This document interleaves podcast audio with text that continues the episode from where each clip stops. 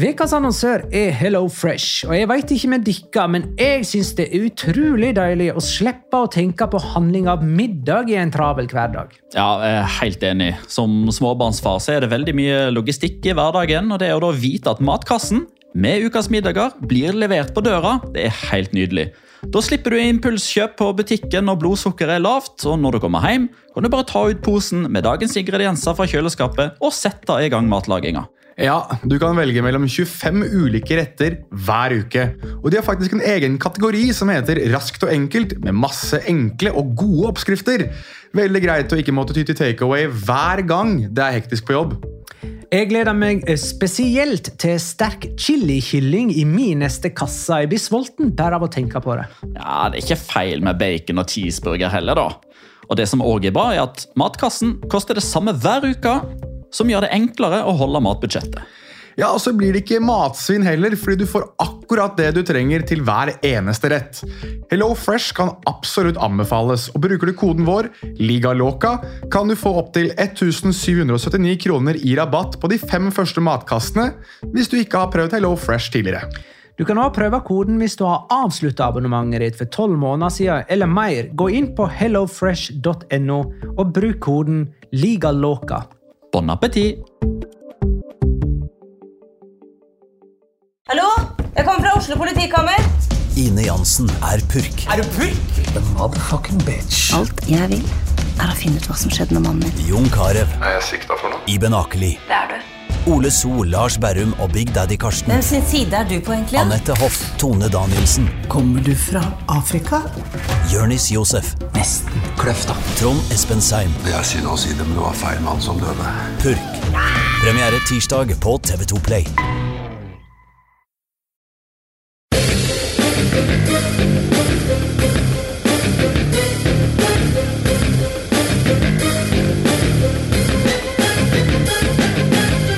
Har du sett? Lurer du på hva La Liga er for noe, fikk du svar denne helga. La Liga er nemlig El Clásico, med verdens største klubber og verdens beste spillere, der alt til slutt handler om dommerkonspirasjoner. Og La Liga er Getafe Granada, kanskje verdens styggeste fotballkamp. La liga loca. En litt gærnere fotball.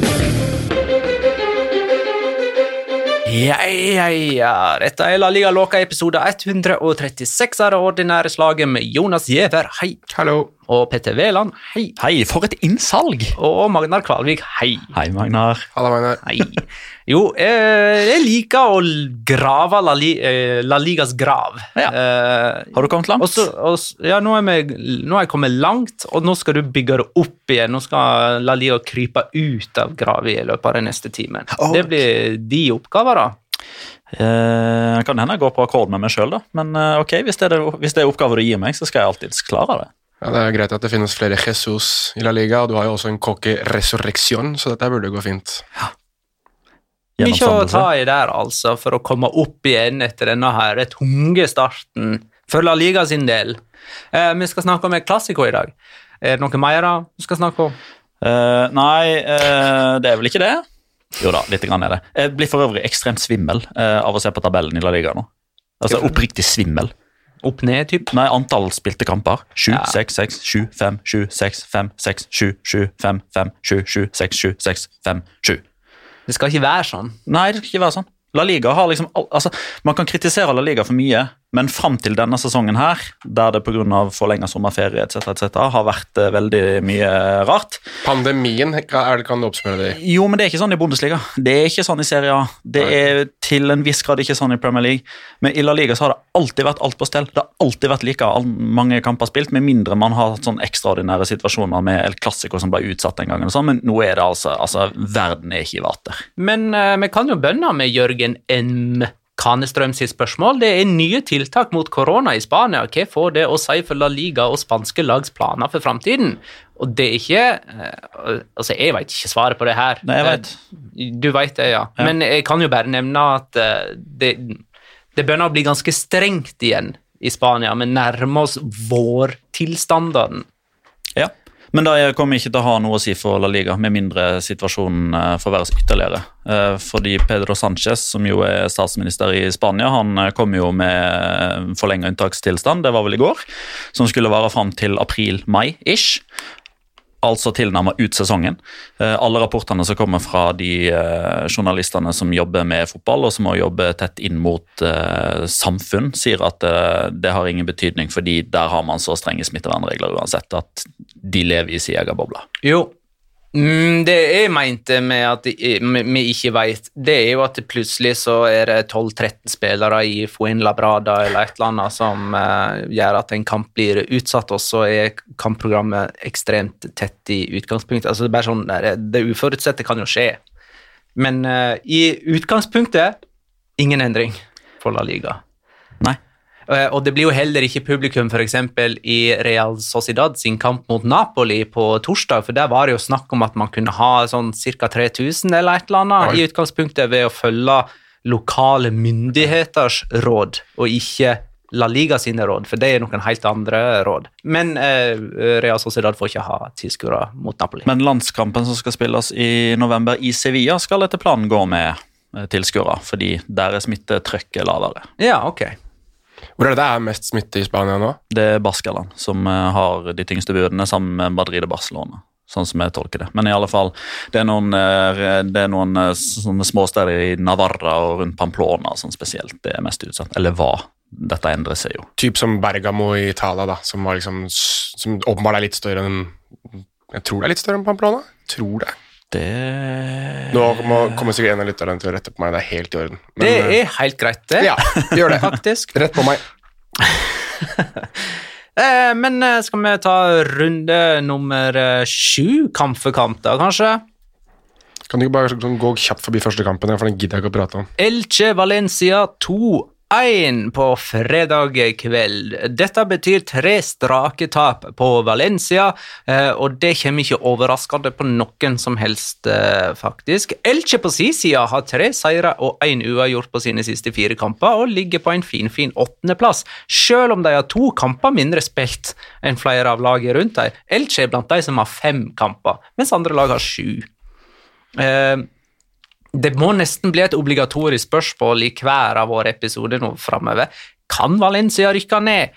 Eller for å si det som uh, Chemusche, eller Chemusche Sånn null kødd! Ser vi Valencia i sekunder neste sesong? Nei, jeg tror ikke det. Men, uh, men jeg tror man ser de et sted mellom 12. og 16. plass. Ok.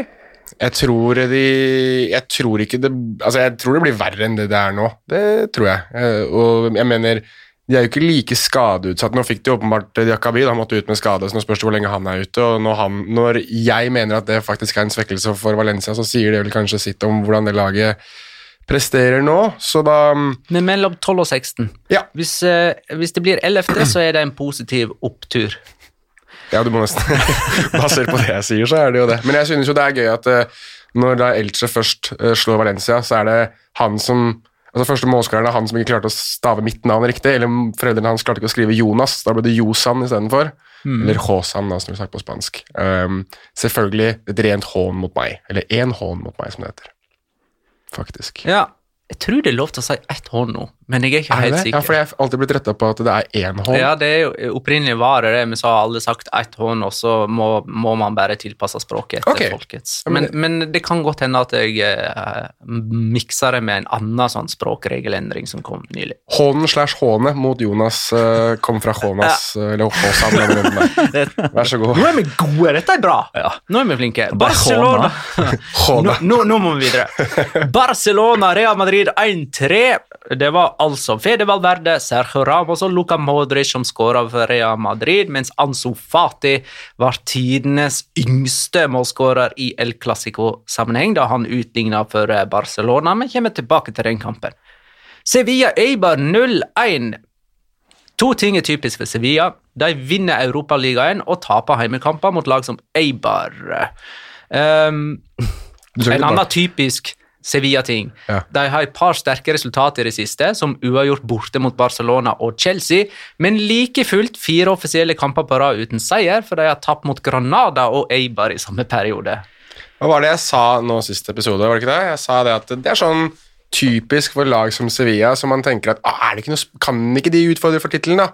Og så kommer det en sånn kamp som dette, hvor man tenker at på selv en dårlig dag så vinner Atletico Madrid, som vant på en medioker dag, vil jeg vel si, i denne runden her. Uh, og Real Madrid og Barcelona vinner på dårlige dager. Sevilla taper på dårlige dager. Og der her hadde jeg en ekstremt dårlig dag, og så må jeg jo da også hvis det er noe sånn at man kan dele ut kaktus og litt sånn her, altså Josef Enesri, det, det, det, det begynner å bli komisk dårlig nå.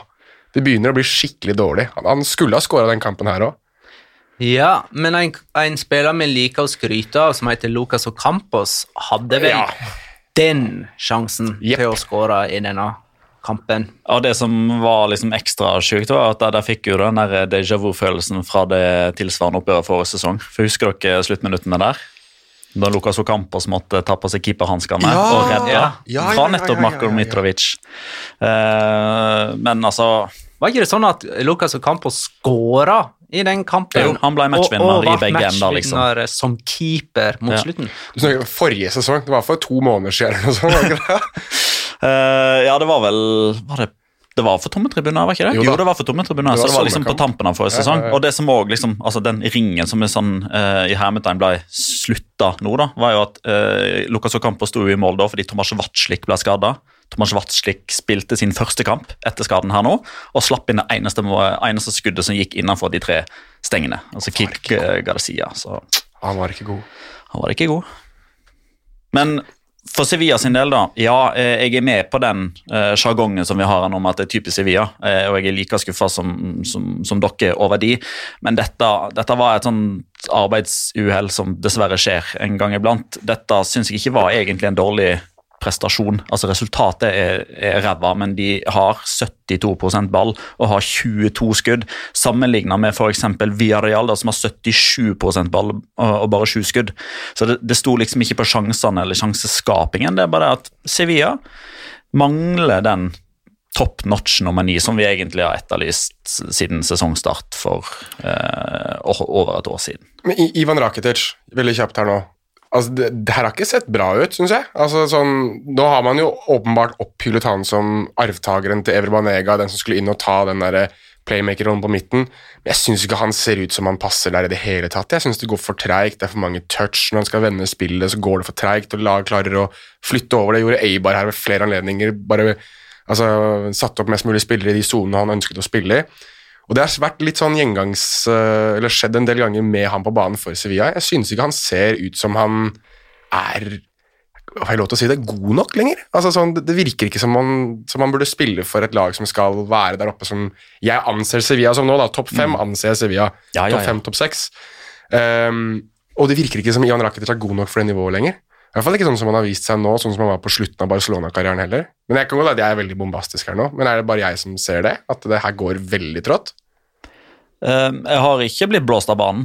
Det, da jeg hadde høyere forventninger enn det han har levert til nå. Du, Det, oppfylte, du som oppfylte han som arvtakeren til Banega først, du var jo den som sa at dette er helt perfekt. ja, ja. Og det her har jo ikke fungert i det hele tatt. Så Det har langt. ikke fungert så bra som det burde. Ja. Det, hadde de, det har de ikke gjort.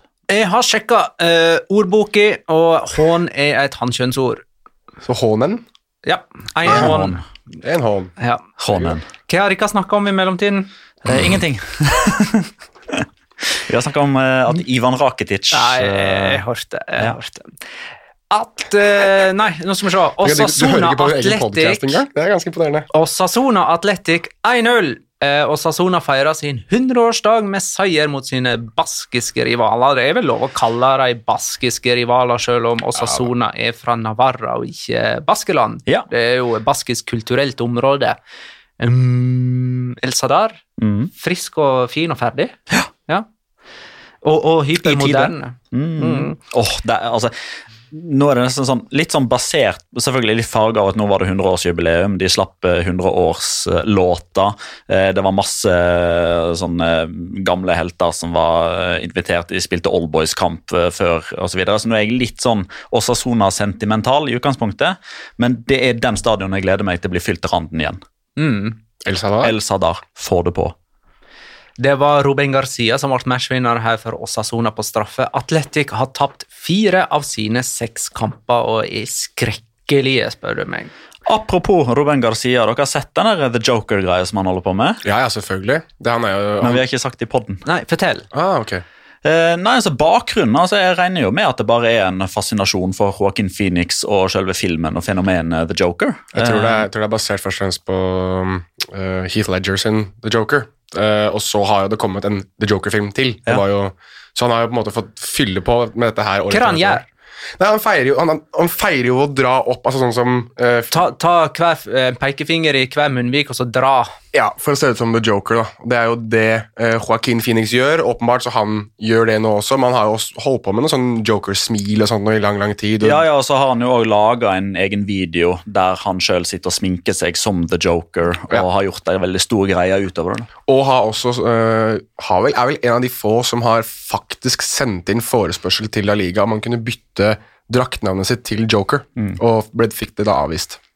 Ikke, var ikke det, gjorde han ikke faktisk det Jo, jeg har lest noe tilsvarende. Jeg vet ikke om han faktisk sendte inn den formelle, eller om noen han liksom bare ut, ga beskjed om ja. at jeg, jeg tror ikke det er noe poeng å prøve en gang. Ja.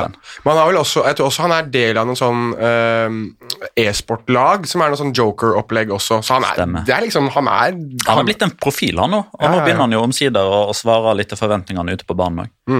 Atletico Real Betis 2-0. Atletico Madrid med 21 strake seriekamper uten tap. Det er klubbrekord. Har dere lyst til å snakke om denne senere, eller skal vi ta det nå? Du må jo bare ta Martin Montoya med en gang. Ja, du må det. Det er jeg satt og på. oh, ja, det er jo Locoraen der, da. Oh, ja, okay. ok. Mm, Ja, men- Selvfølgelig.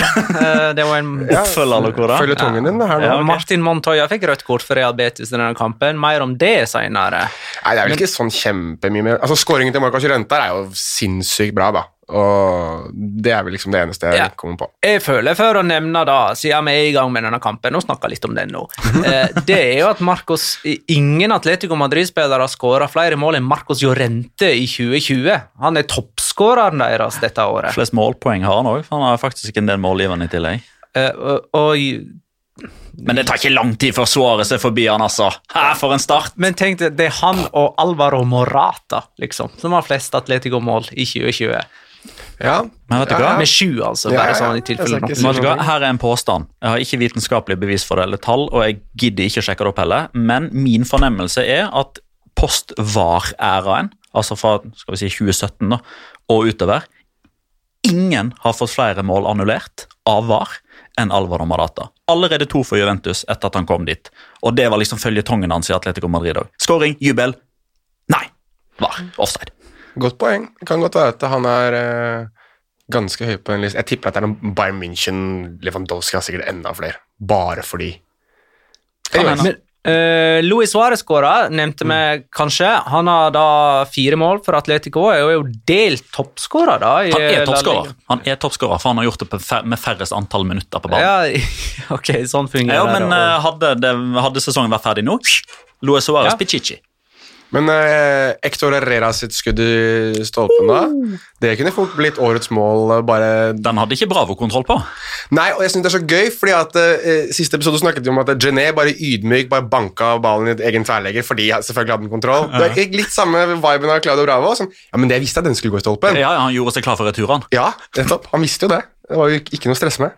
Eh, jeg føler også for å nevne at Atletico reiste seg her etter 4-0-tap mot eh, Bayern München i eh, Champions League. Deres delt største nederlag under Diego Simiones ledelse, og det, det er vel delt da med nederlag mot Dortmund. Så det er jo tyskerne som har knekt den koden. Jeg har kommentert begge de to kampene.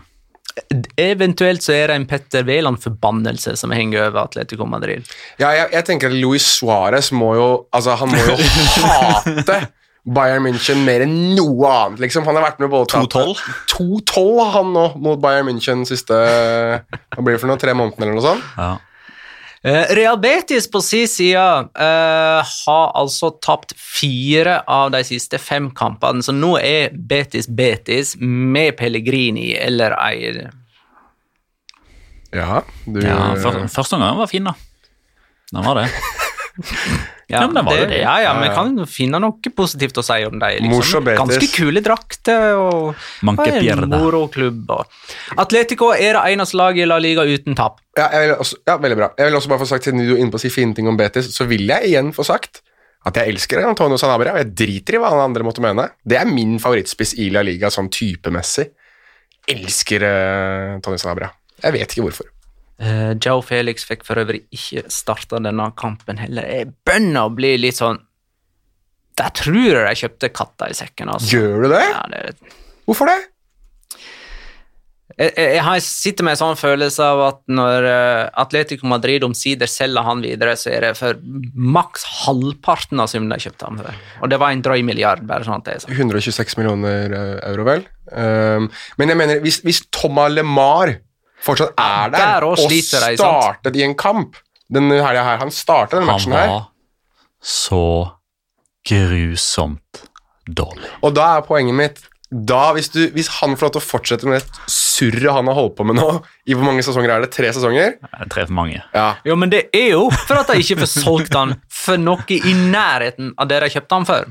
Den eneste Og, og jeg er litt redd på vegne av eh, Felix og Atletico Madrid om at den historien er i ferd med å gjenta seg, sånn at de står med to sånne. Paradokset her er at eh, den som de hentet, som de har fått solgt videre, eller i hvert fall flyttet videre, da, er han som de i utgangspunktet hentet gratis. Gelson Martins, husker man han?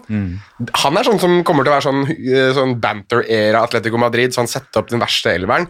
Han er mest sannsynlig en av de første som kommer inn på det laget. Han kommer jo i utgangspunktet gratis grunnet en kontraktsdisputt med Sporting, og så måtte de vel betale noe i etterkant. Ja, ganske mye, faktisk. Men de mye, gikk jo i pluss nå, da de solgte han til Monaco. Men jeg jeg vil nyansere litt, spesielt når vi sammenligner med LeMar. Altså, Joao Felix går ut på banen og har allerede prestert bedre enn Thomas LeMar. Det er poeng. Altså, han, Sjau Felix er bedre enn Thomas LeMar, bare sånn at det er sagt, da.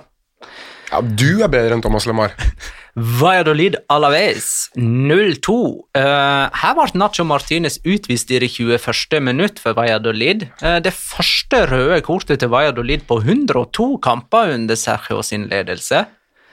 Uh, jeg tror det er første på to år. Jeg tror det er på slutten av 2018. eller Mars 2018. Ja, altså, den sesongen 17-18.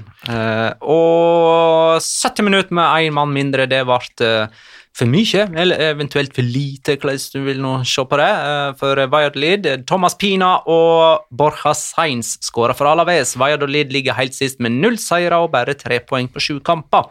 Spark, sparker inn åpen dør her nå. Men Hvem, jeg, hadde- hvem hadde målgiverne på 0-2? Daverson, var det ikke det? Takk, takk. takk. Ja, jeg tror ikke han mente noe særlig, men han hadde Ja, han skåra jo hvis ikke Borja Sainz hadde tatt den. sant nok. Eh, spark, spark inn åpen dør. Eh, Sergio blir den første som får sparken i ligaen. Liga. Så videre til den gule ubåtderbyet mellom Cádiz og Aston Villarreal 0-0. Jeg har tenkt Aston Villa, men så var det veldig mange som, eh, som tvitra Westham. Ja. At dette var liksom var eh, Villarreal sin måte å betale tilbake litt av det de betalte for Pablo Fornals. Ja. Ja, vi er inne på den. Ja. Det er faen meg den styggeste bortedrakta jeg har sett noensinne Nei, Jeg likte det ikke, verken utseende eller si, den hva, det, er, det var så uvant, nei, vet du liksom. hva, dette fortjener en rant. Altså, dette her er noe av det jævligste jeg har sett. Jeg, sorry, altså. Eh, Jeg synes at Villarreal er, er, pleier å være et av de lagene som har ganske kule bortedrakter, og egentlig hjemmedrakter nå, fordi at de er, de er gule, og det er liksom ikke så veldig mye mer å gjøre med, men dette her er jo å pisse så ettertrykkelig på en drakttradisjon som tydeligvis har vært ganske stolt, da.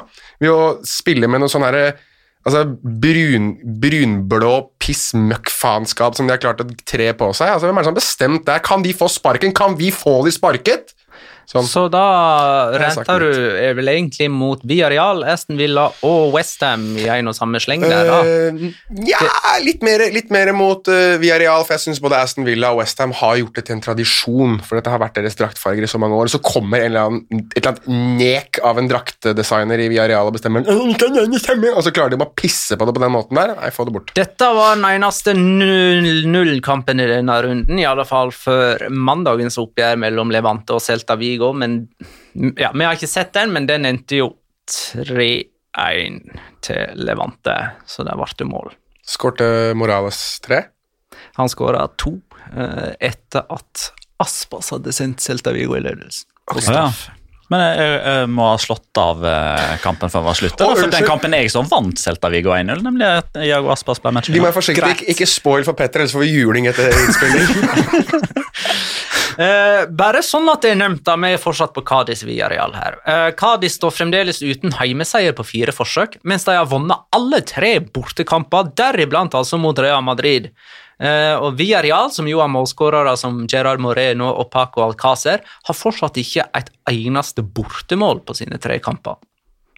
Getafe Granada 0-1. En vakker kamp med virtuos, blendende, estetisk fotball fra øverste hylla.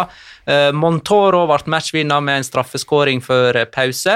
Granada er faktisk nummer tre av poeng med Real Madrid, og har i løpet av den siste ve- veka sleget Sevilla, PSV og Getafe. De to siste borte. Det er når vi ser Granada sine resultater vi innser hvor god Atletico Madrid kan være. Godt poeng. Atletico Madrid-Granada 6-1. De var så gode de at eh, Granada kjøpte Luis Suárez, de også. Det er helt riktig. Det ble 42 frispark her. Hvor mange uh, gule og røde Du, det ble røde kort. Nei, det ble bare seks gule òg. Det- Khilmans begynte lovende. Han hadde fem før pause. Uh, og så ble det kun Nei, han hadde fire før pause, og og så kun to helt helt på tampen, deriblant ett for protester. Og Det er Skuffende levering av Khilmansan. Og her, her skulle vi hatt tosifra, og vi skulle hatt minst én mann ut. Jeg er helt enig. Mm. Har Ronald Koeman tvitra noe om straffesparket Granada fikk?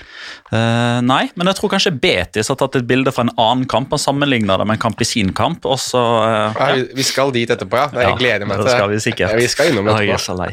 Uh, jo, men vi skal jo tilbake til en uh, altså- lokore her, men Men det straffesparket Granada fikk, var ikke det takling på ball? Jeg, jeg, jeg syns den var rar, men jeg har jo nå har jeg, jeg gidder ikke å gå to episoder på rad og sutre over straffer til lag, liksom. Men jeg syns igjen det er Jeg skjønner det ikke, men pff, hvem er nå jeg? Nei, sånn, sånn ble det. Sånn ble det. Men ja. altså, slaget på Colosseum Alfonso Perez er jo grei å, å ta for altså, Det er jo en skikkelig Det er sånn der folk snakker om at eh, Could he do on a Tuesday, cold Tuesday night in Stoke? Ja, Da lurer jeg på om noen hadde klart seg på en regntung eh, lørdagskveld i eh, Getafe.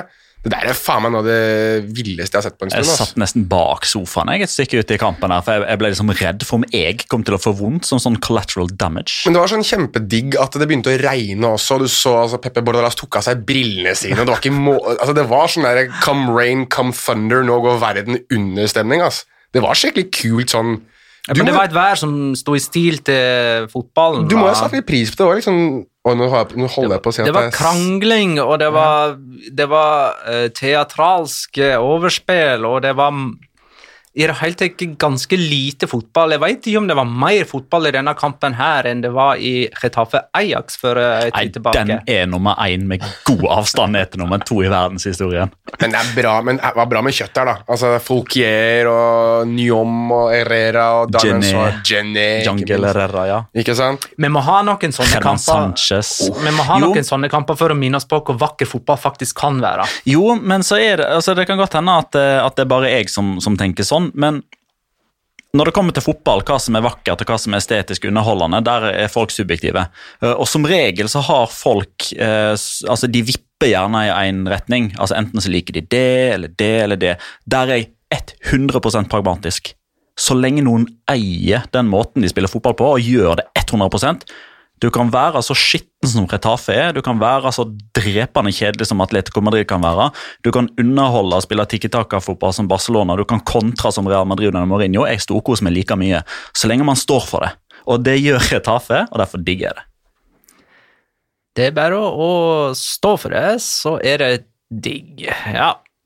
Det fikk uh, være siste ord, faktisk. Ja, jeg tror, jeg tror du var, var på Det kan være mye som er digg når man har stå. Real Sociedad Duesca 4-1. Real Sociedad er den første klubben som klarer å vinne en kamp som serieleder, og er dermed det første laget som topper tabellen to serierunder på rad. Og nå gjør de det på poeng, ikke målforskjell. Eh, De har 14, men de har også spilt en kamp mer enn Real Madrid og Granada, som er nummer to og tre poenger bak.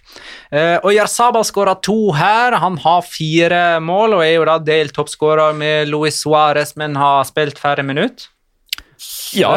Nei, han, Han har spilt, spilt flere, flere- minutter. flere. Flere Eh, minutter, og ja. så er det jo, Det er jo du har Anso fire. Fati og Paco Alcácer og en til som jeg har glemt i farten nå.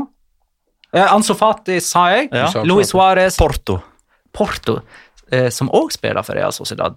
Han skåra også sitt fjerde. David Silva hadde to eh, målgivende pasninger. Først til Porto, og deretter til Isak, som skåra sitt første for sesongen. Så det er jo like å å se Silva bli varm i trøya. Ja, eh, og nå eh, minner du meg på eh, at jeg skal bytte spiller etterpå. Takk. Eh, I kåringen Runden spiller. Ja. Det var litt gøy å se ehm, John Goridi tilbake òg, da. Syns jeg. Bare sånn, de, var, de hadde haussa det veldig opp, uh, syns jeg, på sin Twitter-konto. Real Sociedad. Jeg vet ikke om han er blitt en sånn kulthelt på en eller annen måte. Jeg tror man har hatt veldig mye sympati etter sånne enorme skadeproblemer ja, som har gjort at uh, karrieren hans har jo egentlig blitt forsinka med to år. Men han har, hadde jo en OK, karriere, eller OK, karriere, OK sesong i Mirandes, som Merkelands også hadde. Uh, så åpenbart Altså, jeg synes det er litt sånn ehm, Det er et engelsk uttrykk, men er, de har blitt litt sånn sleeper team, syns jeg. Altså, så at du liksom ikke har snakket så mye om det, men de er sånn ganske gode hele tiden og får sterke resultater, så å si helt, med unntak når de taper mot Valencia, åpenbart. Men um, altså, jeg syns de er veldig gode, så å si, uh, hele tiden nå, og får virkelig gode resultater, men det snakkes liksom ikke noe om Verken av de store avisene i Spania eller på TV i Spania, eller det er ikke så mye av det på radio på de store radiokanalene, men de er gode hele tiden. Syns egentlig Real Sociedad er alt det Atletic ikke er eh, om dagen og om natta. Eh, de er underholdende å se på, de skårer masse mål.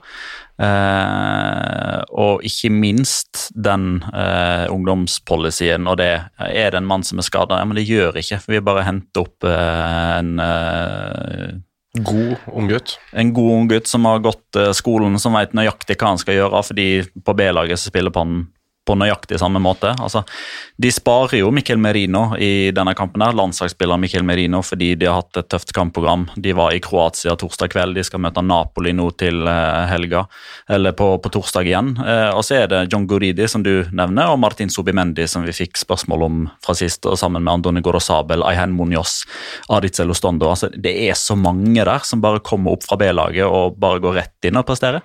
Og John Bautista skåret nå i Europa League sist gang òg. Så dere for øvrig de greiene som Twitter-kontoen til Real Sociedad holdt på med i forkant av den kampen mot Rijeka? Det var da John Bautista-greier der òg, var det ikke det?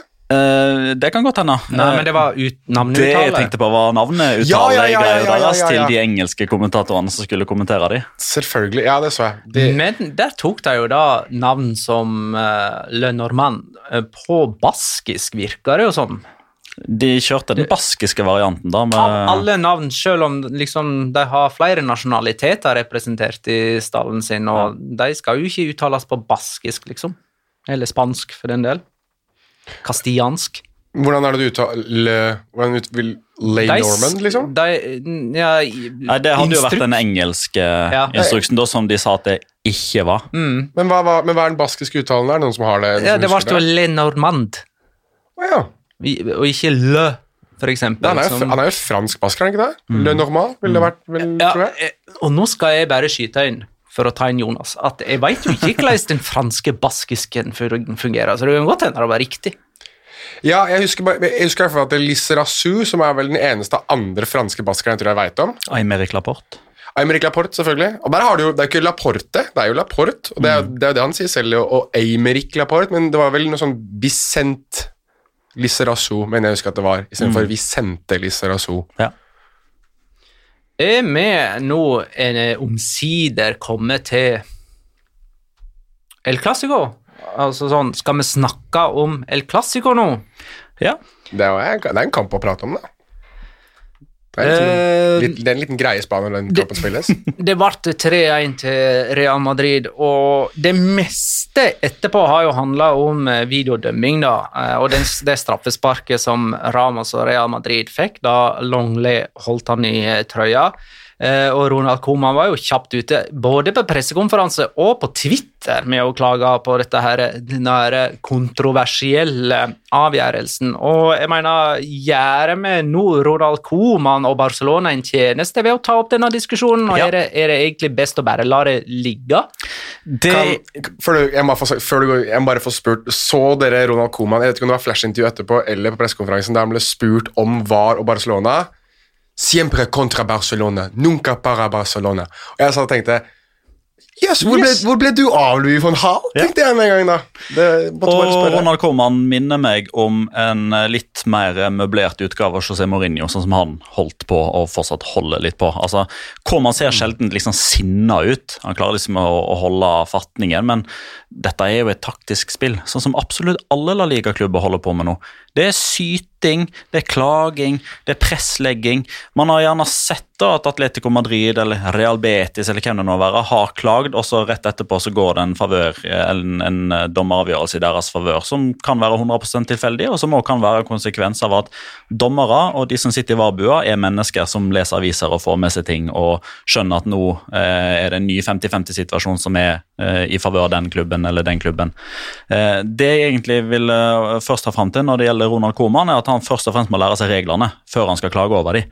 Eh, det syns jeg er et minste krav, at hovedtreneren til Barcelona lærer seg reglene. Og nå er jeg tilbake til kampen mot Ferencvaros, der han i, eh, i villfarelsen eh, klarer å uttrykke at han ikke skjønner hvordan eh, regelverket kan tillate at Jedar Piquet blir utvist i den situasjonen der han river ned Tokmak uten mulighet til å ta ball. Ja. Altså, Mannen kan jo ikke regelverket hvis han spør om det. Da, da gjør han seg enten dum, som det kan godt hende at han gjør, for å legge press. For å få fokus på at nå har det vært masse avgjørelser mot Barcelona. Så da snart. tilsier jo en litt sånn logisk tankegang at da kommer det snart en i favør Barcelona. Men er ikke det litt smålig, dette? Har ikke denne klubben en slags image om at de skal være større enn som så?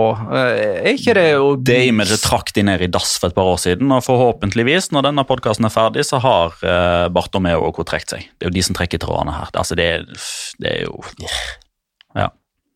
Ja, det, er sånn der, eh, det er litt sånn sandkassestemning, synes jeg, fra Barcelona. Eh, Vi skal litt tilbake inne på dette på, sånn, med tanke på ledere og sånn, men jeg synes det begynner å bli ganske Vi var inne på det i stad, vi brukte begrepet i stad, men jeg synes det er hånlig, det de holder på med, til hva klubben deres står litt for. da. Og jeg, det er greit nok at Ronald Koeman skulle inn og rydde opp og få ut en del uh, sutrekopper, men han har jo vist seg å være den største sutrekoppen selv nå i etterkant, synes jeg. da. Det, og det begynner å, det er en føljetong fra Enten spiller hun, har Gerard Piquet vært ute igjen i et langt intervju, intervju med La, La Vanguardia. ja. Og der var det sutring, og det er liksom Lionel Messi som all, det murrer rundt hele tiden pga. den situasjonen, og alt han gjør, analyseres opp ned i mente av alle radiokanaler og alle TV-kanaler i Spania.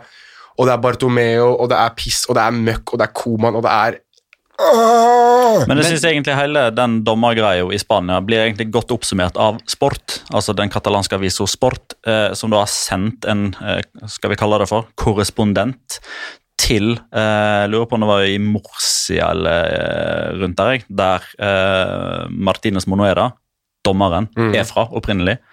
Eh, et par dager, eh, jeg tror det var i går, eh, s- ja, søndag, dagen etter kamp, så hadde de sendt en korrespondent dit. for Han skulle gjøre liksom research da på hvem er denne Martinez Monoeda, hva slags bakgrunn har han. Han fant jo da ut at faren til Martinez Monoeda var en av grunnleggerne av en Penya eh, av Real Madrid i sin tid Supportergruppe. Ja. supportergruppe av Real Madrid i sin tid.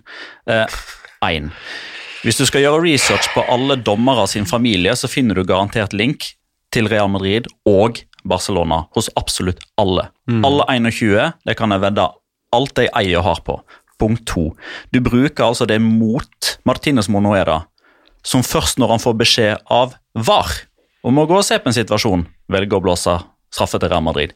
Ikke når Sergio Ramos gikk i bakken i første omgang. Ikke når Sergio Ramos gikk i bakken i andre omgang. Hvis Martinez Monoera hadde vært så speila av sin fars Real Madrid-lidenskap, så hadde han vel for pucker dømt straffe sjøl i utgangspunktet? Uh, ja mm, Ramos så jo faktisk ut til å bli felt i første omgang i, Ja. i feltet på, på en corner. Det var jo uh, i duell med Longlet, eh, der VAR ikke greip inn. Nei. Og der kan jo Ronald Koeman si at der fikk de en VAR-avgjørelse til sin fordel. Eh, så han blir jo egentlig tatt på litt Ja, sånn faktafeil her. passer da, ikke i narrativet, Donald vet du. tid. Det passer ikke narrativet. Men eh, David Sørhaug skriver Erika enige eller uenige i straffen eh, Madrid fikk i El Clásico, og hvorfor?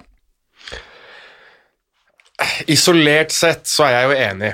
Altså Holding, greit, men, men jeg går tilbake til det jeg sa forrige uke. Hvis ikke det blåses på den på Sanabria, så skjønner jeg ikke hvorfor det blåses på den her. Det er alt jeg har å si. Jeg syns begge er straffe, jeg. men jeg skjønner ikke hvorfor den ene blå Og da, og da skjønner jeg litt den der frustrasjonen til Betis på Twitter. Jeg gjør faktisk det, men Jeg òg kan forstå den, men hold deg for god til å gjøre det. det er jeg enig i. Det er jeg enig i. For det er jo det, Det er eneste argumentet Barcelona har her. De argumenterer jo ikke for at det ikke var en forseelse, de argumenterer bare at ja, men det der skjer jo hele tiden. Ja, nei, men det er jo, det, Begge er straffe, det kan jeg si. Det har jeg ikke noe problem med å liksom være med på. Men jeg syns det er rart at den ene tas, og den andre tas ikke. Det er det eneste jeg har. Ja, Manglende konsekvens er jo generelt et problem. Det er det. Det er, men at det er straffe, det er helt greit. Jeg, og jeg synes på sånn generelt, altså på måten de spiller på Real Madrid, så synes jeg de fortjener den seieren her uansett. Og det er jo interessant i seg selv at de klarer å se så ekstremt ræva ut bare noen dager i forkant mot Sjakta Donetsk på hjemmebane, og så spiller de ut Barcelona tidvis i den kampen her på Camp Nou. Ja. Det, og, Barcelona på sin side, som på Camp Nou vant 6-1 over Ferencvaros. Var det ikke 6-1 til slutt? 5-1. 5-1 var det. Um, Jeg tror, det, det, det, jeg tror det åpenbart handler om motivasjon for Real Madrid sin del. eh, og Der kunne vi nok snakka i uh, timevis om eventuelle årsaker og hvem sitt ansvar det er. og håper jeg, Når går man fra å være sulten til ikke å være sulten? Uh, altså Sergio Damos og hans betydning er jo helt åpenbart å spille inn her. men så vi fikk et spørsmål på La Liga Loca-pod-kontoen med om Real Madrid kan friskmeldes nå etter eh, en klassiker. Jeg tror vi først og fremst må slutte å diagnostisere de så tidlig, og deretter friskmelde de så tidlig igjen. Altså, ja eh, Jo, jo, men altså Som mennesker nå så får vi jo beskjed om eh, snufser du, hold deg hjemme. Eh, men det er jo ikke sånn at vi må behandle fotballklubber eh, som om de skulle være koronarelaterte sykdommer eller ikke. Altså, Nei. Er det krise hvis de taper en hjemmekamp mot Shakhtar og en hjemmekamp mot Cádiz? Ja, kanskje er det det i Real Madrid-sammenheng. Er de friskmeldt eh, etter å ha vunnet El Clásico? Ja, kanskje er det så enkelt. Jeg veit ikke. Eh, Men jeg syns det er To dager før kamp så var det liksom, det var ikke snakk om hvor ferdig Zidane var. eh, Og det var ikke noe mer sitron å skvise ut igjen der. eh, Eller det var ikke noe mer saft å skvise ut av eh, sitroner. Og det liksom eh, hans eh, clap your hands-omdømme kom tilbake igjen. Og sånn, og så vinner de Classico. Nå, nå drar man fram statistikken om at han aldri har tapt på kamp nå som trener. Så det liksom Seks kamper på kamp nå som trener for Zinedine Zidane. Tre seire og tre uavgjort. Så en eller annen oppskrift har han funnet. Dette var den største borteseieren i en klassiker for Real Madrid siden 1963, der de vant 1-5, eller 5-1. da. Men de vant vel òg 3-1 i Supercoppa, gjorde ikke de det? Med Marco Ascencio i kanonslag for noen år siden. det var, var det i Saudi-Arabia? Nei. Det var Nei. nå i januar. Eh, det var når de vant eh, Det var en klassisk Supercoppa-variant. Post Sånn Neymar, eh, når Real Madrid var i rute til gull, Barcelona var i Ja, var da? krisetilstand og Nei, nei, det, var- det var hjemme borte. 100% 100 sikker. men det, det var et år de var i Marokko. Det var uh, Det var året etter. Jeg tror vi er i 2017, faktisk. Okay. Ja. Ja, det var rett etter at Neymar forsvant, og det var krisestemning i Bas apropos, det var krisestemning i Barcelona. Real Madrid hadde nettopp vunnet La Liga og Champions League og kom til å vinne La Liga med 20 poeng. Ja. Og så var det omvendt. Barcelona tapte én kamp.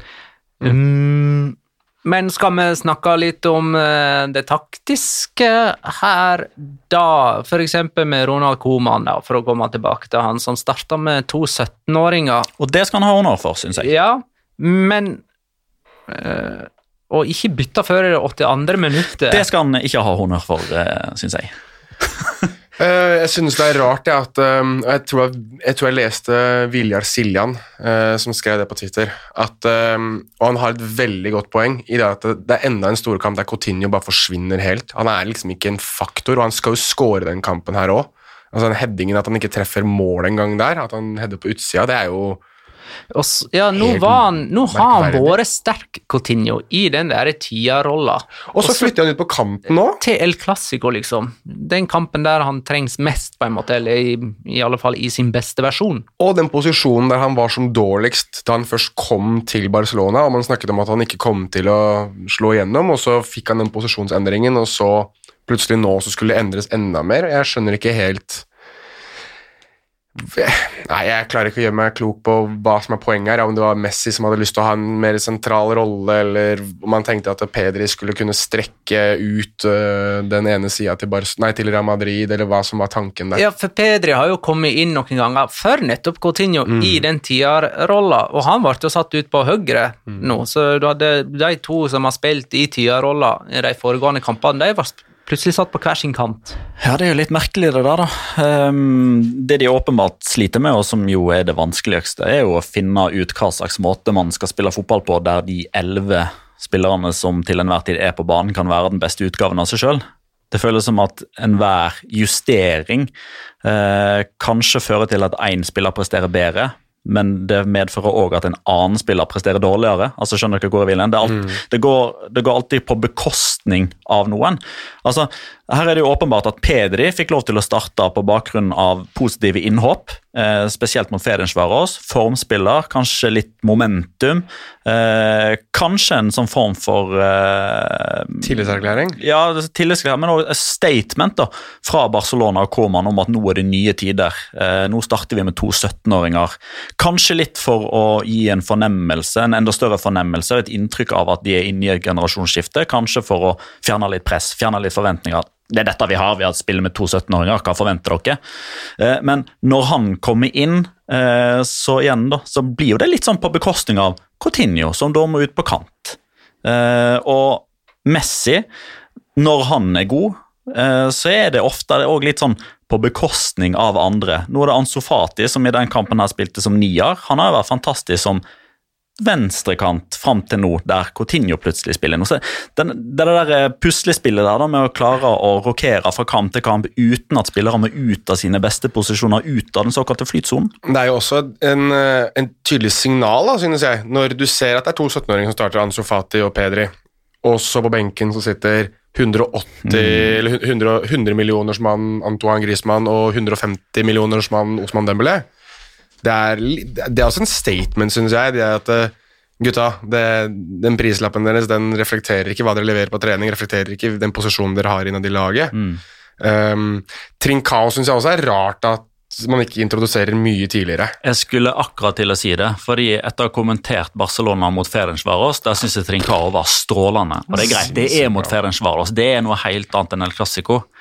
Men vi snakker om momentum, altså du bringer inn Pedri fordi han bringer momentum, han er i form. Det samme kunne man sagt om Trincao, og jeg la merke til at veldig mange av eh, Altså, for å gjøre en lang historie kort, det nesten hele Twitter snakker om, i hvert fall min feed og de jeg følger, av engelske Barcelona-supportere, norske eh, Barcelona-supportere, spanske journalister, det er at wow, Tenk den høyresida vi får når det er Sergino Dest som kan komme på overlapp når, når Trincao trekker innover. Og så starter de med Serginio Dest som høyreback istedenfor Sergio Roberto. Men da er ikke Trincao der! Så det liksom, det er så påfallende hvor sjeldent det er samsvar mellom det eh, omverdenen tenker er best for Barcelona, kontra det Barcelona-treneren velger å gjøre. Men vet du hvorfor Barcelona tapte den kampen her? Sånn ifølge de- alle supporterne her? Ja, nå kommer det et kjempeordspill, tenker jeg. Nei. Å nei. Ricky Push spilte jo ikke. Å ja. ja, ikke sant.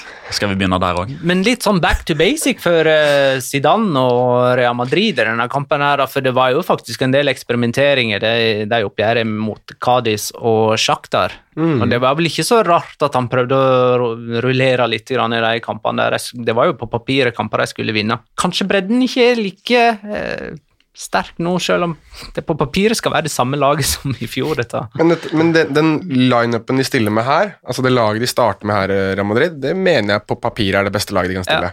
Ja, Med unntak av Nacho, da. Ja. Ja, og, det og, og det. Mm. snodige var jo at det ble hakket bedre idet Lucas Vasques kom inn og Ja, spilte men vet, høyreback. du- vet du hva? For en kamp. For en kamp han spilte. Ja, Ja. enig. Altså, Han som vanligvis er hakkekylling, må jo få litt ros den ene gangen han faktisk fortjener det. Ja, Lucas Vasques. Ja.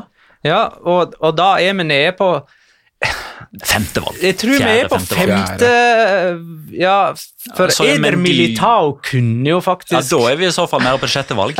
Altså, Du har jo Carvahall, Ja, så har du Odrio Sola, Ja, så har du Nacho. Ja. Og Mendy spilte jo høyreback mot Sjakta. Ja. Så har du Militao, okay. som spilte litt høyreback i Porto i sin tid. Og så Lucas Vasques. Ja, det er ganske sjukt. Men, men jeg synes Og det er jo kanskje det svaret Zidane ønsket mest av alt her. For å få den bekreftelsen på at det, er det her det beste laget jeg kan stille? Det er visst det, basert på det resultatet her og på den kampen de leverer. Og jeg går tilbake, jeg har sagt det flere ganger, men Fede Valverde for meg er altså, Hvis du bare skrur klokka tilbake ti år, så er det her Arturo Vidal.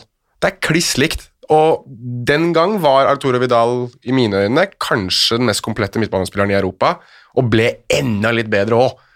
Så um, Jeg husker at man sa det også for ti år siden, men det er skummelt å tenke på hvor god han kan bli. Um, vi har fått et spørsmål her fra La Leo Loca 03. Nå ligger Ansu Fati og Luis Suárez likt på toppen av Pichichi. Så spørsmålet er hvem av de ender opp med flest nettkjenninger? Ansu Fati eller Luis Suárez? Ifølge Petro spiller ikke Ansu Fati noe mer etter den kampen her. Den kommer den kommer jeg til å dra mye på deg denne sesongen, her, du vet det? Kjør på. Ja. Kjør på. Beklager til lytterne. Eh, jeg tipper de skårer like mange, jeg. Kjør en litt sånn utradisjonal variant der. Like Kryss. mange. Jonas? Um, Louis Suárez skal være skada på et eller annet tidspunkt. Det er jeg ikke sikker på om Ansofati skal, så jeg går faktisk for Ansofati. Kult. Da sier jeg Louis Luis Suárez. Så da fikk vi tre forskjellige svar. Nå har jeg jo da selvfølgelig jinxa det. Louis Suárez er skadefri hele sesongen. Det var 26. oktober. Jeg er nødt til å skrive ned dette her, som ikke glemmer det. Sånn. Mm. Um, jeg har jo litt lyst til å ta denne Sebastian-tweeten, da. Som han skriver det var det morsomste klassikoen på lenge, men kanskje også det mest ubetydelige. Jeg kan ikke tenke meg annet enn at begge lag kommer til å avgi rikelig med poeng i år. Godt poeng. Jeg syns også det var litt påfallende Det har jo skjedd, det er ikke første gang det skjer, da, men det spesielt det der overview-bildet som man så, altså når på måte, helikopteret kjører over og de filmer ned, det er et av de tristere skuene jeg har sett, sånn når du vet hvilken kamp det her er, når du fortsatt ser det med Skeon Klubb på, altså, Tribunen, ja. på tribunen, og du ser at det er ikke en sjel utafor stadion, og det er Det var sånn er Altså, det her er jo Dette, dette er trist, liksom. Men snakker vi her tidenes waste of resources, og faktisk ha Godt poeng. det Ja, godt poeng, det òg. Det kan godt hende at de bare hadde festa det på et politihelikopter som uansett var i tjeneste, hva vet jeg, men det var litt Det var ikke så stor nytte for det. Skal opp i lufta for å vise stemning, liksom, og så er det tomme tribuner. Liksom 98 000 tomme seter. Du hører uh, Zidane klappe fra sidelinja. også Ja, kunne så du høre helikopteret hele tida. Det ble liksom så tydelig hvor tomt det var når du hørte den helikoptersjusen hele veien. Uh, Men for å fortsette tråden, da. Andreas Svae spør som i fjor. Eh, tydeligvis da episode 81 han refererer til. Blir, Den, ja. ja. Blir dette tidenes jevneste La Liga-sesong? Tidenes, faktisk. Den er vanskelig. Nei, Det, det tror jeg ikke, eh, uten å vite hva det var. Men Nei, jeg kan tenke meg sånn eh, 06-07-sesongen der jeg mener eh, Når Sevilla var med? Ja, jeg mener Valencia òg kunne med to-tre serierunder igjen faktisk vinne, i teorien. At det var Real Madrid, Barcelona, Sevilla og Valencia hadde mulighet til å vinne. Det var det året jeg husker også med Jorge Sampaoli, hvor Sevilla var med veldig lenge, men de ble hekta på slutten. Problemet her er jo at om Real Madrid og Barcelona er litt svakere enn det de pleier å være, så er kanskje Atletico Madrid det òg. Og i alle fall Valencia, der kan man jo bare Altså, Det skal jo være en storklubb som man vanligvis kunne Ja, ha nevnt i en sånn sammenheng. Sevilla taper hjemme mot Eibar, eh, og så står vi igjen da med Real Sociedad, liksom.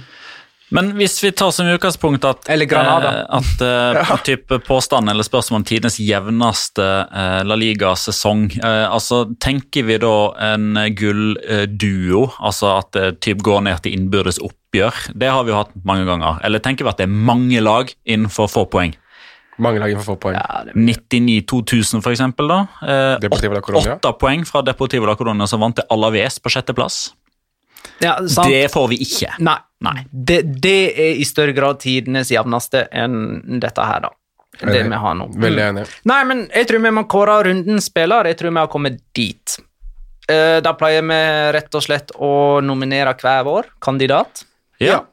Og jeg hadde tredjeplassen eh, som jeg nå har bytta ut. Hvem var det jeg hadde egentlig? Det var han eh, i uh, Eibar-forsvaret. Stemmer det, Paul Oliveira, som hadde en Jeg skulle egentlig dra en sånn fanesak om at vi må ikke bare hylle de som uh, skårer mål og har målgiverne og sånn, og så ombestemte vi nå og gå på akkord med meg selv, David Silva. Uh, altså, Dette var hans desidert beste kamp etter comebacket. Jeg har jo venta litt på at målpoengene skulle komme. Eh, vi har jo aldri vært i tvil og har jo heller ikke hatt noen problemer med å ytre at Real Sociedad er forsterka i den posisjonen. Uh, uansett hvor gode Martin Ødegaard kanskje kommer til å bli en gang i framtida, så skal det ekstremt mye til for at han får en karriere som er i nærheten av David Silva, uh, som jo har vært en bærebjelke på det spanske landslaget og i Manchester City i ti år, og Valencia før det. og endelig så ble hans briljanse og gjeldende i mål protokollen eh, i form av målgiverne til eh, Porto. Det var en sånn typisk David Silva-målgivende, der han eh, drar av press. Han har to-tre mann som driver og jager han ut mot sidelinja, og så kommer han seg ut av situasjonen og spiller gjennom Porto. Eh, og en assist til svensken eh, Isak. Så da har svensken fortsatt en eh, ja, vi, Hvis vi drar det litt langt, da, så har kanskje noen av familiemedlemmene til Martin Ødegaard vært på Granca, David Silva er fra Arginegin. Ja, det ligger et eller annet der. Ok, da, Men da tar jeg eh, og nominerer han som David Silva ikke serverte, eh, nemlig han som ordna dette her sjøl for Real Sociedad, Mikkel Oyarzabal, som ja, Han skåra vel først på straffe. Hvem var det som skaffa den igjen? Nå husker jeg ikke det. Straffesparket til eh, Real Sociedad, var det Porto? Ja, var det ikke det? Kanskje det var Porto, og så hadde han den headingen som satte inn 2-0. Eh, og Det var John Goridi som spilte ballen i en utstrakt arm på ja, Pablo sånn Mafeo. Det, det var hens. Uh, uh, men uh, Oyarzabal, uh, denne sesongen, som den forrige, Real Sociedads beste spiller. Så to Real Sociedad-spillere på topp tre her, da. Han har satt 14 av 14 straffespark. Det har han òg. Han uh, har aldri bommet på straffe. Aldri bommet på straffe. Og har dette her hoppet. Ikke på treningsfeltet engang. For der har du vært. Du har faktisk vært det, med meg. Uh, det er Jorginho-hoppet. Ja, det er, blitt, det er blitt kalt det. George, det er kanskje han som introduserte det litt sånn. på Første jeg så som brukte det, i alle fall. Uh, men nummer én Nummer én er jo en annen som er glad i straffespark, og han var glad i straffespark den kampen. Han nomineres til førsteplass nå, det er Sergio Ramos. og Grunnlaget for hvorfor Sergio Ramos blir utvalgt, er fordi at han er alt det Real Madrid trenger, og alt det Barcelona ikke har. De, han er den sterkeste lederen, mener jeg, på et lag som er i toppen av europeisk fotball. Eh, Sergio Ramos har egentlig bare blitt større, sterkere, bedre og mer imponerende med årene som har gått. Eh, jeg synes det er enda tydeligere nå som Cristiano Ronaldo er borte og han har blitt en enda større ledestjerne. Og i den kampen her så vokser han seg større og større og større og blir mer og mer og mer effektiv utover i kampen. Han får jo også et straffespark som han selvfølgelig skårer på. Ehm, men jeg synes at han oppsummerer forskjellen på Barcelona og Real Madrid, ikke bare den kampen her, men litt også statusen slik eh, fotballen er de to imellom eh, den dag i dag. Og Derfor så synes jeg at eh, han fortjener å bli nominert til rundens spiller. Da er det tid for Locora! Ukens La Liga Locura. Locura. Locura. Locura. La Liga Locura. Du starter, Magnar? Hæ? Du har jo, Jeg har egentlig gledet meg litt til din, så jeg vil, jeg vil høre din først. Ja, ok. Jeg hadde Martin Montoya i Locora i min uh, forrige uke. Det var fordi at han har sittet i koronakarantene i 20 dager, altså 10 dager ganger to. Første gang fordi at et familiemedlem av han hadde fått viruset, og selv om han da testa negativt, så måtte han sitte i karantene. Og da han endelig var ute igjen, så fikk en venn av han òg eh, regna som nærkontaktsperson, da, eh, viruset. Og Montoya måtte igjen i karantene. Og dette mens førstevalget på høyreback til Real Betis spilte forferdelige kamper, f.eks. mot Real Madrid, der han fikk eh, rødt kort og måtte, var suspendert, og han ble òg skada, og Montoya hadde liksom hatt muligheten til å ta plassen på høyrebekken, men satt i koronakarantene. Og nå var han endelig klar for spill denne helga her, mot Atletico Madrid, og klarte altså å få rødt kort og må sone karantene igjen kommende helg. Han har spilt 255 kamper i premiera, aldri fått rødt kort før nå! I disse karantenetider. Da fikk han sin første. Jeg syns det, det, er så nydelig. Er sånn, jeg visste What's er, next, tenker jeg. Da han fikk rødt kort, så visste jeg nå kommer det Locora fra Magnar. jeg visste det. Eh, Jonas? Nei, eh, jeg tar det litt Ok, ned nå med litt sånn kjedelige greier, og så skal Jonas få ta den opp. for jeg vet Det ikke var Jonas er kjemperart. Nå satt jeg og så på Jonas og hørte stemme, men Jonas sin munn ler seg ikke. Det er litt sånn som Det er buktaling, det. sånn Bruce, Bruce Det Lee-film. altså. Det, eh, det er faktisk Elche eh, som får min eh, locora. Um, og det er ikke bare på bakgrunn av eh, at de eh, har eh, tatt mange poeng innledningsvis. altså De har jo vunnet tre av de første fem som nyopprykka. Etter å ha hatt kort ferie og hadde tolv spillere i Asdalen tre uker før overgangsvinduet stengte. Det går egentlig på en litt sånn sammenligning mellom de og Real Betis. Um, fordi jeg er jo glad i tall. Um, Nei. Jo. Um, Real Betis, eh, som jo er motpolen her, de har spilt sju kamper. I løpet av de sju kampene så har de avslutta 88 ganger. Altså de har hatt 88 avslutninger i løpet av eh, det vi har spilt av sesongen. De 88 avslutningene har resultert i at de har tatt ni poeng. Real Betis har ni poeng etter 88 avslutninger. Elche de har ti poeng. De har riktignok spilt to kamper færre, og dermed så blir det òg færre antall skudd for de, men sjøl i snitt så er avstanden helt makaber. Eh, For Elche har skutt 22 ganger. 22 mot Betis sine 88, og de har tatt flere poeng.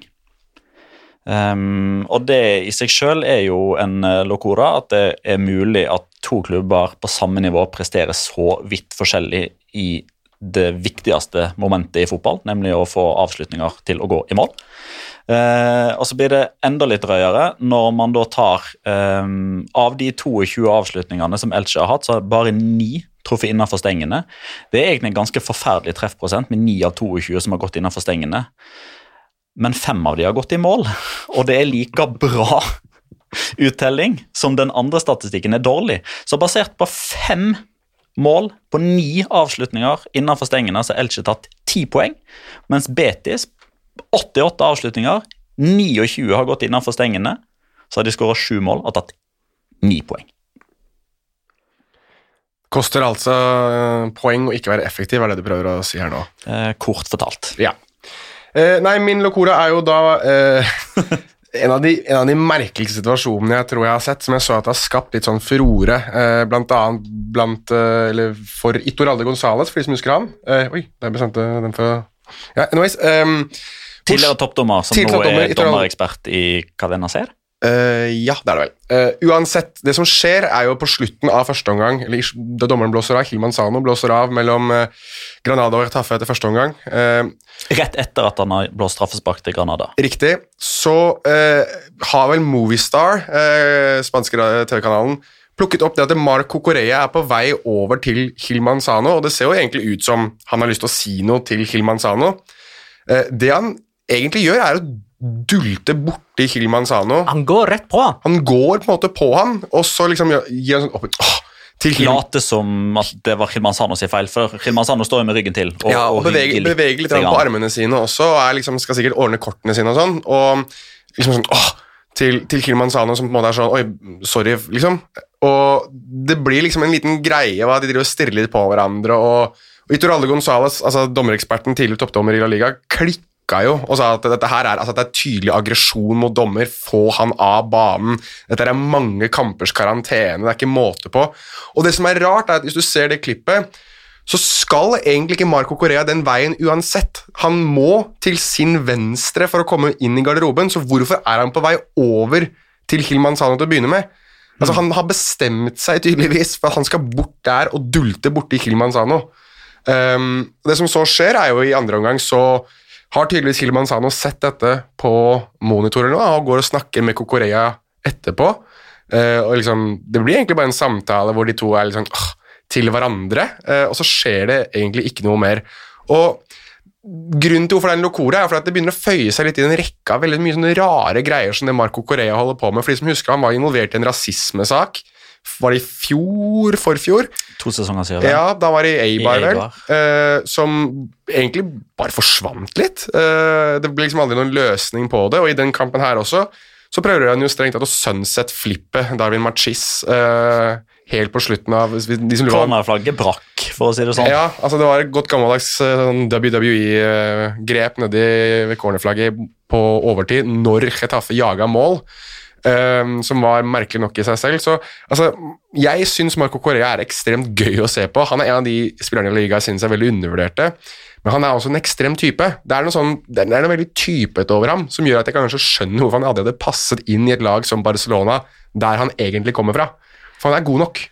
Uh, mens eh, vi er i uh, Locora-hjørnet, uh, så Lococorea. skriver Alexander Larsen til oss eh, en NB. Alvaro Morata og Nikola Kalinic møttes i går for henholdsvis Juventus og eh, Hellas Verona. Uh, ingen skåringer, merkelig nok, men Morata med annullert nettkjenning da, i Falcao-klasse, som Alexander Larsen skriver. da. Det var jo litt festlig. Og ellers så skriver Ramjar Baban til oss akkurat nå, sånn cirka, klokka fem over seks mandag 26. oktober, at det er fullt trøkk i kontorene på Kamp nå. Det har vært møte der angående Bartomeo og styret, om de skal trekke seg. Veit ikke om hva som har kommet, hva de har kommet fram til. Eh, Jeg leste sist at Barto eh, prøve å utsette hele greia. Og nei, vi veit ikke, for det er sånn ca. 55 minutter til Barcelona har pressekonferanse. Jeg mener det var klokka 19 de annonserte det, så det er for vår tid, for å si det sånn. Ja, Det blir jo Etter vår tid, blir det. 1915. Ikke sant? Ja, det kan jo fort bli 20 og 21 og så videre. Møtet er i gang, er det som står nå. Oi. Eh, 1809 er det som i hvert fall Sport melder på sin side. Men eh, ja, han, ref, han skriver jo da at, eh, at eh, Bartomeo skal ha prøvd å utsette hele greia, og sånn som jeg har forstått det, så har de prøvd å utsette dette med koronavir, av koronavirushensyn. Ja, at og man kan ikke ha noen generalforsamling midt i en pandemi, for da kan vi jo få, bli syke alle sammen. Så nei, vi har ikke det møtet. Jo, gener generalforsamling kan, kan de ha, men ikke avstemninger. Ja, riktig. Men, men dette kom jo bare noen få dager etter at Barcelona som klubb prøvde å argumentere for at de skulle få 30 000 supportere på, på tribunen mot Ferencvaros, så det er jo dobbeltmoral langt opp i rassen. Ja, Har vi kanskje nevnt dette allerede i denne episoden? Nei. Det er så lenge siden vi starta denne episoden her nå at jeg har glemt hva vi sa i starten. De blir bare lengre og bedre, disse episodene her. Jeg husker i alle fall at Før vi gikk på, så nevnte jeg Alvaro og Marata som en god på. kandidat til den som må ha fått flest skåringer annullert av VAR. Nei, det var i løpet av episoden for jeg det- Robert Lewandowski. Det er helt riktig! Så hvis noen vil korrigere eller komme med andre forslag, så gjør det på Twitter. Uh, nå må vi tippe eh, det forrige Det er ikke over ennå! Denne episoden er Ja, men aldri Tippa ikke vi forrige helg, da? Vi skal tydeligvis gjøre enda mer. Med Forrige kamp det var Barcelona-Real Madrid, der Petter hadde 2-1 til Barcelona med Anso Fati som første målskårer. Eh, Det blir null poeng på Petter, som har seks. Jeg hadde 2-1 til Barcelona òg, med Messi som første målskårer. Null poeng på meg, og jeg har fem. Jonas hadde 0-0. Det blir null poeng. Du står med to. Det høres ut som meg, det. Ingen poeng ble delt ut der, altså. Neste kamp har jeg plukka. Osasona Atletico Madrid. Petter. Uh, Osasuna Atletico Madrid. Uh, Blir vel en VAR-skåring annullert først, da?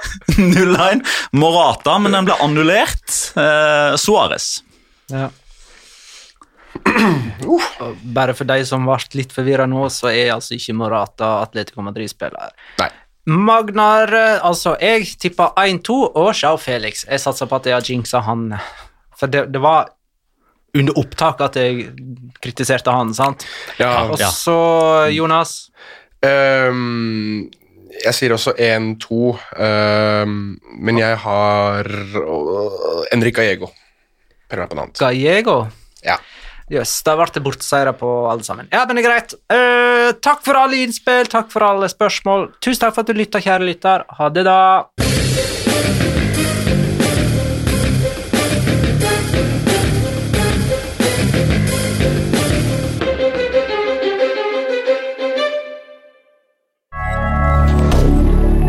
Moderne media. Har du et enkeltpersonforetak eller en liten bedrift? Da er du sikkert lei av å høre meg snakke om hvor enkelt er med kvitteringer og bilag i fiken, så vi eh, gir oss her, vi. Fordi vi liker enkelt. Fiken superenkelt regnskap.